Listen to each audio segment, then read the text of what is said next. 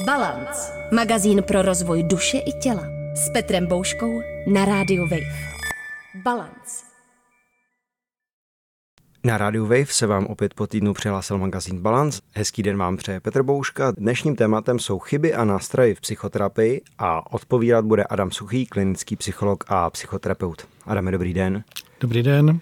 Co z vaší zkušenosti a znalostí může způsobit, že psychoterapie na někoho nefunguje? No, eh, faktory na stranách psychoterapeuta a faktory na stranách klienta, když to řeknu stručně. Jaké to nejčastěji jsou?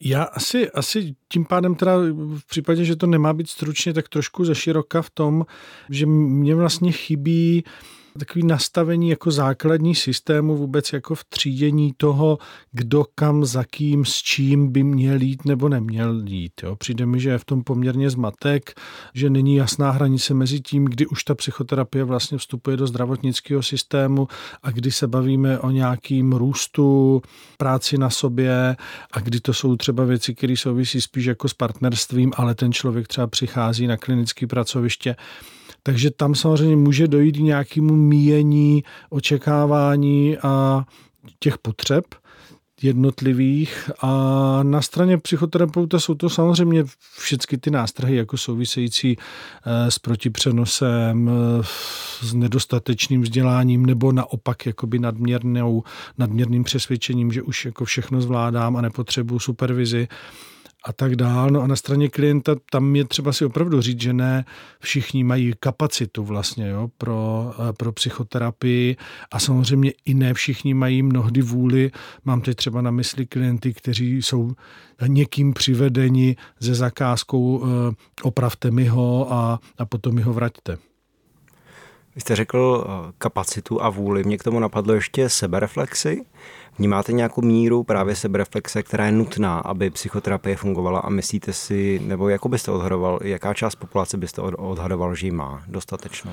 Ježíš, tak úplně jako odhadnout nějaký jako procent asi netroufám, ale he, souhlasím s tím, že ta sebereflexe by tam měla být, nebo schopnost sebereflexe, na druhou stranu si myslím, že tam je právě nějaká hranice, kdy se dostáváme k pasti toho, kdy má psychoterapeut nějakou představu, kam by měl ten klient dojít a nerespektuje právě třeba tu hranici sebereflexe nebo, nebo ten limit kapacity, že on tam třeba jako není schopen dojít, nebo ani nechce, jo? že mu to vlastně akceptovat to, že mu to může stačit tak, jak to proběhlo, byť já mám třeba nějakou představu, že bychom ještě mohli jít určitě hloub a určitě ne všechna témata zazněla.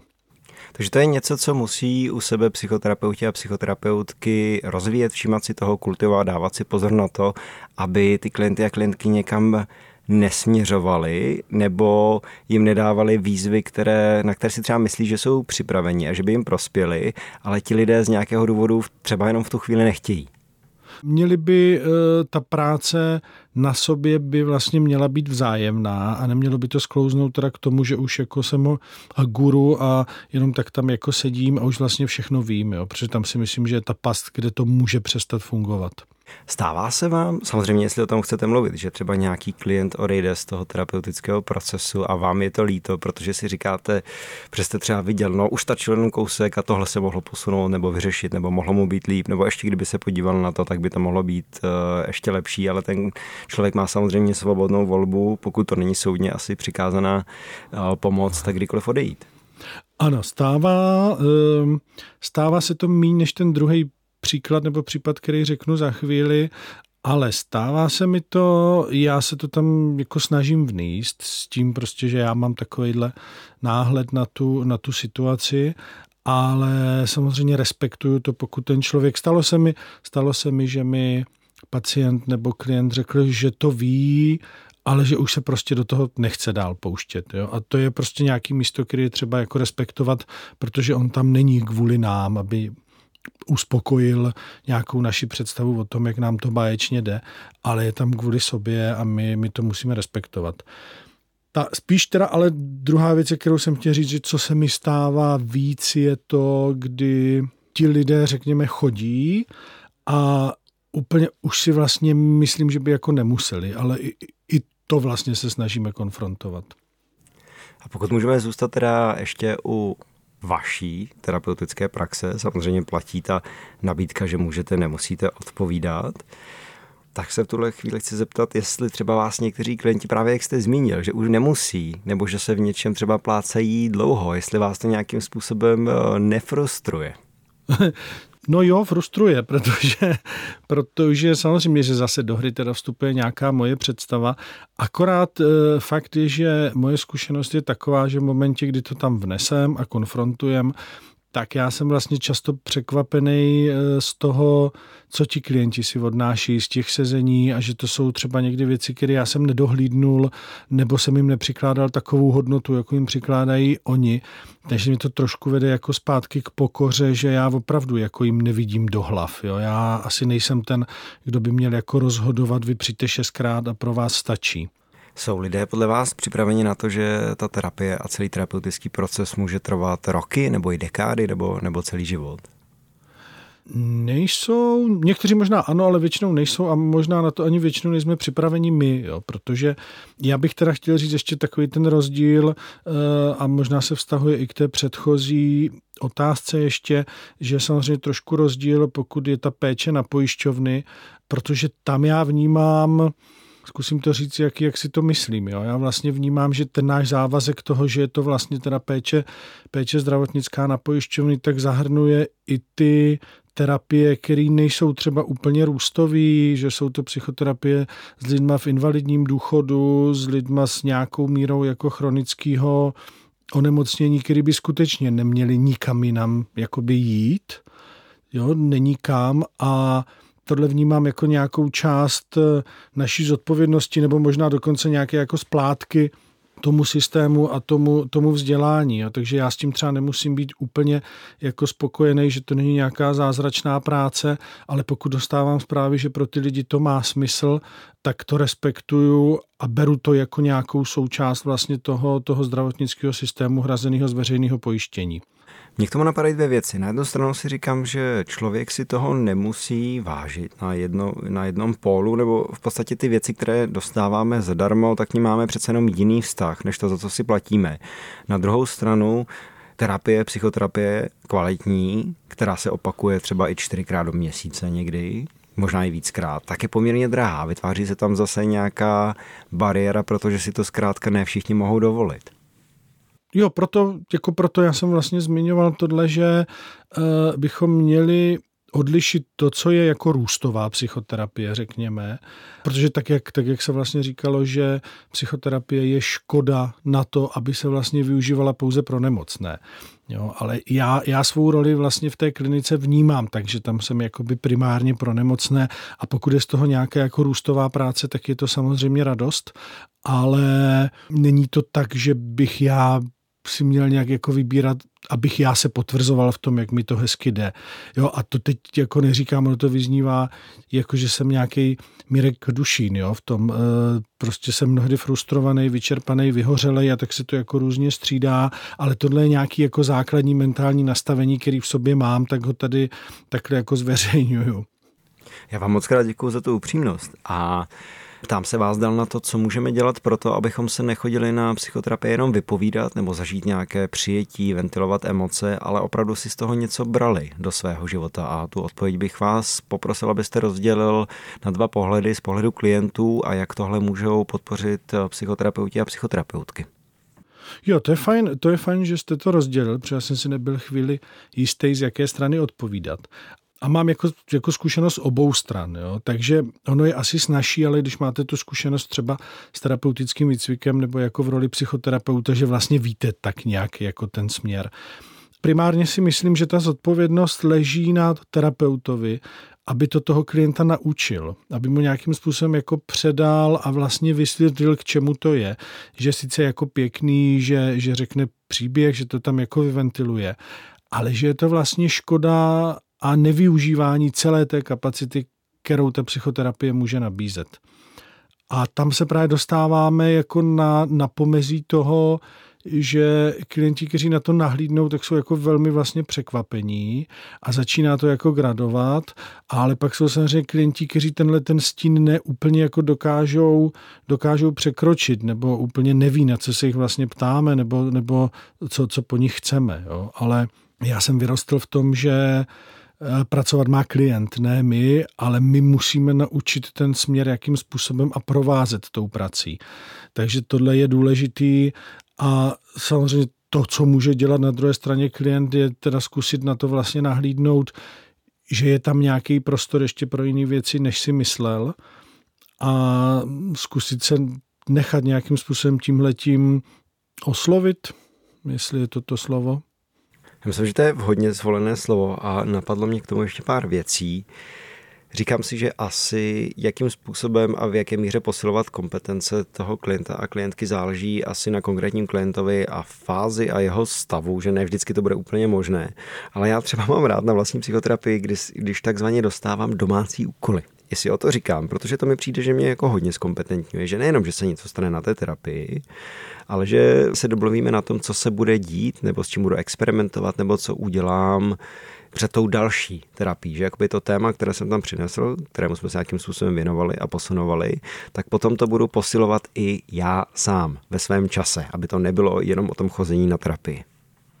Mně tam vlastně zaznělo to slovo experimentovat, protože to mi víc jako sedí do konceptu, ale je to asi jenom takový jako slovíčkaření nebo, nebo výběr slov, jo, protože samozřejmě to v momentě, kdy ten člověk sám si může některé věci zkoušet a zjišťovat, jak fungují nebo nefungují, tak to je právě, tak jak jste říkal, to zkompetentňování a vlastně nějaký způsob využívání toho, toho času mezi těma sezeníma a je to zároveň zkaz, že tu zodpovědnost za svůj život nesu já jako klient, jo? že ten druhý to za mě neudělá, ale samozřejmě pokud je to jako vhodně zvolený průvodce, tak mě tím může, může provázet. Ale mě ještě napadá k tomu systému, který jsem zmínil, že to je právě asi to, co bychom, co by bylo i fajn nějak jako předávat eh, a vůbec se v tom jako vyznat, že je nějaký jako základní vlastně tak nějaká základna spojená vlastně se své pomocí, jo? že to nemusí být jako hned něco se mi děje, já si se sebou nevím rady, tak hned musím jako k odborníkovi a tam se jako zbezmocnit tím, že on mi to řekne, ale vlastně, že by to opravdu mělo jít jako v pyramidě od nějaké jako své pomoci, snaze se starat o sebepéči nějakou a potom jít jako dál, až vlastně do toho systému, kdy opravdu třeba zjišťuju, že tady se nepohnu sám, tak se zkusím ještě nějaký další věci, ale mně opravdu chybí jakoby tohleto třídění a pak je v tom trošku malinko zmatek, co kdo od koho eh, očekává, ale tohle je víc asi o, jako tohle složka vlastně, která je víc spojená jako s informováním nebo, nebo s edukací vůbec veřejnosti. Já bych chtěl doplnit pár věcí k tomu, co vy jste řekl. Vy jste mluvil o těch slovech, že byste rádi použil to slovo experiment. Já tomu rozumím. A chtěl bych dodat, že ono to opravdu zní a vyvolává šliku něco jiného, když vám někdo řekne, dávám vám povinnost nebo domácí úkol, anebo když vám řekne, pojďme udělat experiment. Samozřejmě asi každý v jiné fázi, v jiné situaci, každý člověk bude potřebovat a bude s ním rezonovat něco jiného tak to jsem jenom chtěl doplnit. Nevím, jestli to chcete ještě nějak komentovat. Jo, no napadlo mě, ale to už zasahujeme vlastně do těch jednotlivých psychoterapeutických systémů, jo, ale napadlo mě prostě to, že eh, když někomu řeknu, eh, máš za úkol, nevím, zeptat se člověka na zastávce, kolik je hodin, tak eh, to může být tak, že ten člověk vlastně z úzkostní je tím nějak jako zaúkolovaný a snaží se to splnit a může se stát, že vlastně zopakuje tu starou zkušenost z toho, že je z toho nervózní a že ten člověk jako bude nepříjemný a že vlastně věděl, že úplně vstupovat do toho sociálního prostředí není snadný versus to, kdy je to jako experiment, že až já budu mít chuť a budu se cítit, že mám tu sebe podporu, tak můžu zkusit nějakým způsobem na někoho třeba promluvit a uvidí se, co z toho bude dál. Já vím, že to možná zní jako jemná niance, ale já tam vlastně právě víc vnímám tu sebepodporu a to, co souvisí s kompetencí toho člověka, že si to tak jakoby víc vlastně řídím já. Já vám rozumím, ono to může znít velmi jemně, ale to, co v nás může vyvolávat tahle zdánlivě banální eh, situace, může být eh, na tom spektru reakcí, prožitků, emocí, obav, možná i té úzkosti úplně jiné. Ale myslíte si, že lze projít v současné době v naší společnosti nebo podobných kulturních kontextech úspěšně životem bez nějaké systematické psychoterapie, to znamená nějak volně se a dobře rozvíjet a zároveň po cestě tím životem zalečovat svoje zranění, traumata a staré rány? V tuhle chvíli je asi třeba udělat takový jakoby prostřih mým vlastním životem, jo? protože bylo určitě období jako velikého nadšení, kdy vlastně jsem si říkal, že to možný není a že by tím měli opravdu projít jako všichni jo? a že není vůbec možný, aby jako lidi fungovali bez tohohle. Jak jde čas a jak já jako stárnu, nebo se stávám zkušenějším, to možná zní líp, tak jako zjišťuju, že to tak úplně nemusí být a že jsou vlastně opravdu jako lidi s potenciálem k růstu, který může spustit něco jiného než terapie. Můžou to být mezní zážitky a nemyslím tím hned třeba všechny jako nepříjemný nebo dramatický. Můžou to být opravdu jako životní zkušenosti, setkáním s jinou formou, která třeba není jako přímo psychoterapeutická, ale má nějaké souvislosti a prvky, které můžou s psychoterapií souviset. Stále si stojím za tím, že je to skvělá věc, že je škoda, kdyby to měla být vlastně záležitost využívaná jenom jako pro nemocné, že to opravdu jako důležité, ale na druhou stranu tam vlastně začínám vnímat i to riziko, takové té jako, možná bych to přirov, jako přirovnal občas až k posedlosti, jako růstem jo, a takovým tím sebezpitem, jo, že prostě trošku jsme se přiblížili tomu, jako že ty ještě nemáš svého psychoterapeuta a jak můžeš teda vlastně fungovat a jako nezhazoval bych ani tu druhou část, že pokud člověk není prostě v 50 workshopech a v dalších systémech a jako v sebezpitu, takže jako neumí na tomto světě fungovat. Dnes už si myslím, že to takhle není. Já si myslím, že je to ale taky pekelně těžké udělat to rozhodnutí, když máte ten pocit, že nemáte vyřešeno, nemáte hotovo, ještě nejste dostatečně kompetentní a možná vlastně už jste, tak jít a prožít ten život eh, i s tou nedokonalostí vlastní i toho světa. Ale zároveň i osobně cítím, že, že je to potřebné. Že nelze, nelze prostě jít do terapie, všechno si vyřešit a pak začít žít teprve. Přesně tak. To je to, co jsem tím chtěl říct, že ona totiž někdy jako může ta psychoterapie sloužit jako k úhybnému manévru před tím životem. Jo. Teď já přece jako chodím, pracuju na sobě a až to bude všecko, tak jako začnu. Jo. Ale ono to je jako paralelní. My žijeme teď, není žádný plán B, jo, že by jako, jako jo, že bychom pak začali znovu. Tak ještě často samozřejmě se stává to, že bohužel to bývá třeba jako proklamace pro druhé, jo? nebo to slouží pro omluvu před sebou samým. Já přece chodím, jo? takže můžu říct partnerce, jo, já přece chodím, snažím se, ale zdá se, že teda tím pádem je ten problém v tobě, jo, když já se snažím a chodím. A spoustu takovýchhle jako niancí, kdy ne vlastně vždycky je to opravdu využito k tomu, k čemu to vlastně má sloužit. Já bych se teď s vaším svolením ještě vrátil k tomu jádru toho tématu, se kterým jsme dneska zač, začali a možná od ní trochu odbočili, ale mně to přišlo fajn. Co když udělá chybu psychoterapeut nebo psychoterapeutka? Já si říkám, že pro ty klienty to může být náročné z mnoha pohledů. Jednak už rozpoznat, že ten člověk, který v nějaké fázi pro mě může být autorita až polobůh, profesionálně někdo, kdo o mě pečuje, že takový člověk udělal chybu. A pak um, je asi si dovedu představit těžké to pojmenovat, nějakým způsobem oslovit a obnovit tu důvěru. Já si znovu myslím, a už to vlastně zaznělo, že ta zodpovědnost je z největší části jako znovu na nás, jako na psychoterapeutech, jo? protože máte pravdu v tom, že ten člověk nevždycky má šanci rozeznat, že je to chyba, může si myslet, že je to součást toho přístupu, vstupují tam do hry přenosové věci, takže samozřejmě vám spoustu z těch chyb nějak jako přehlídne, odpustí, nebo je dokonce může nějakým způsobem jako obdivovat.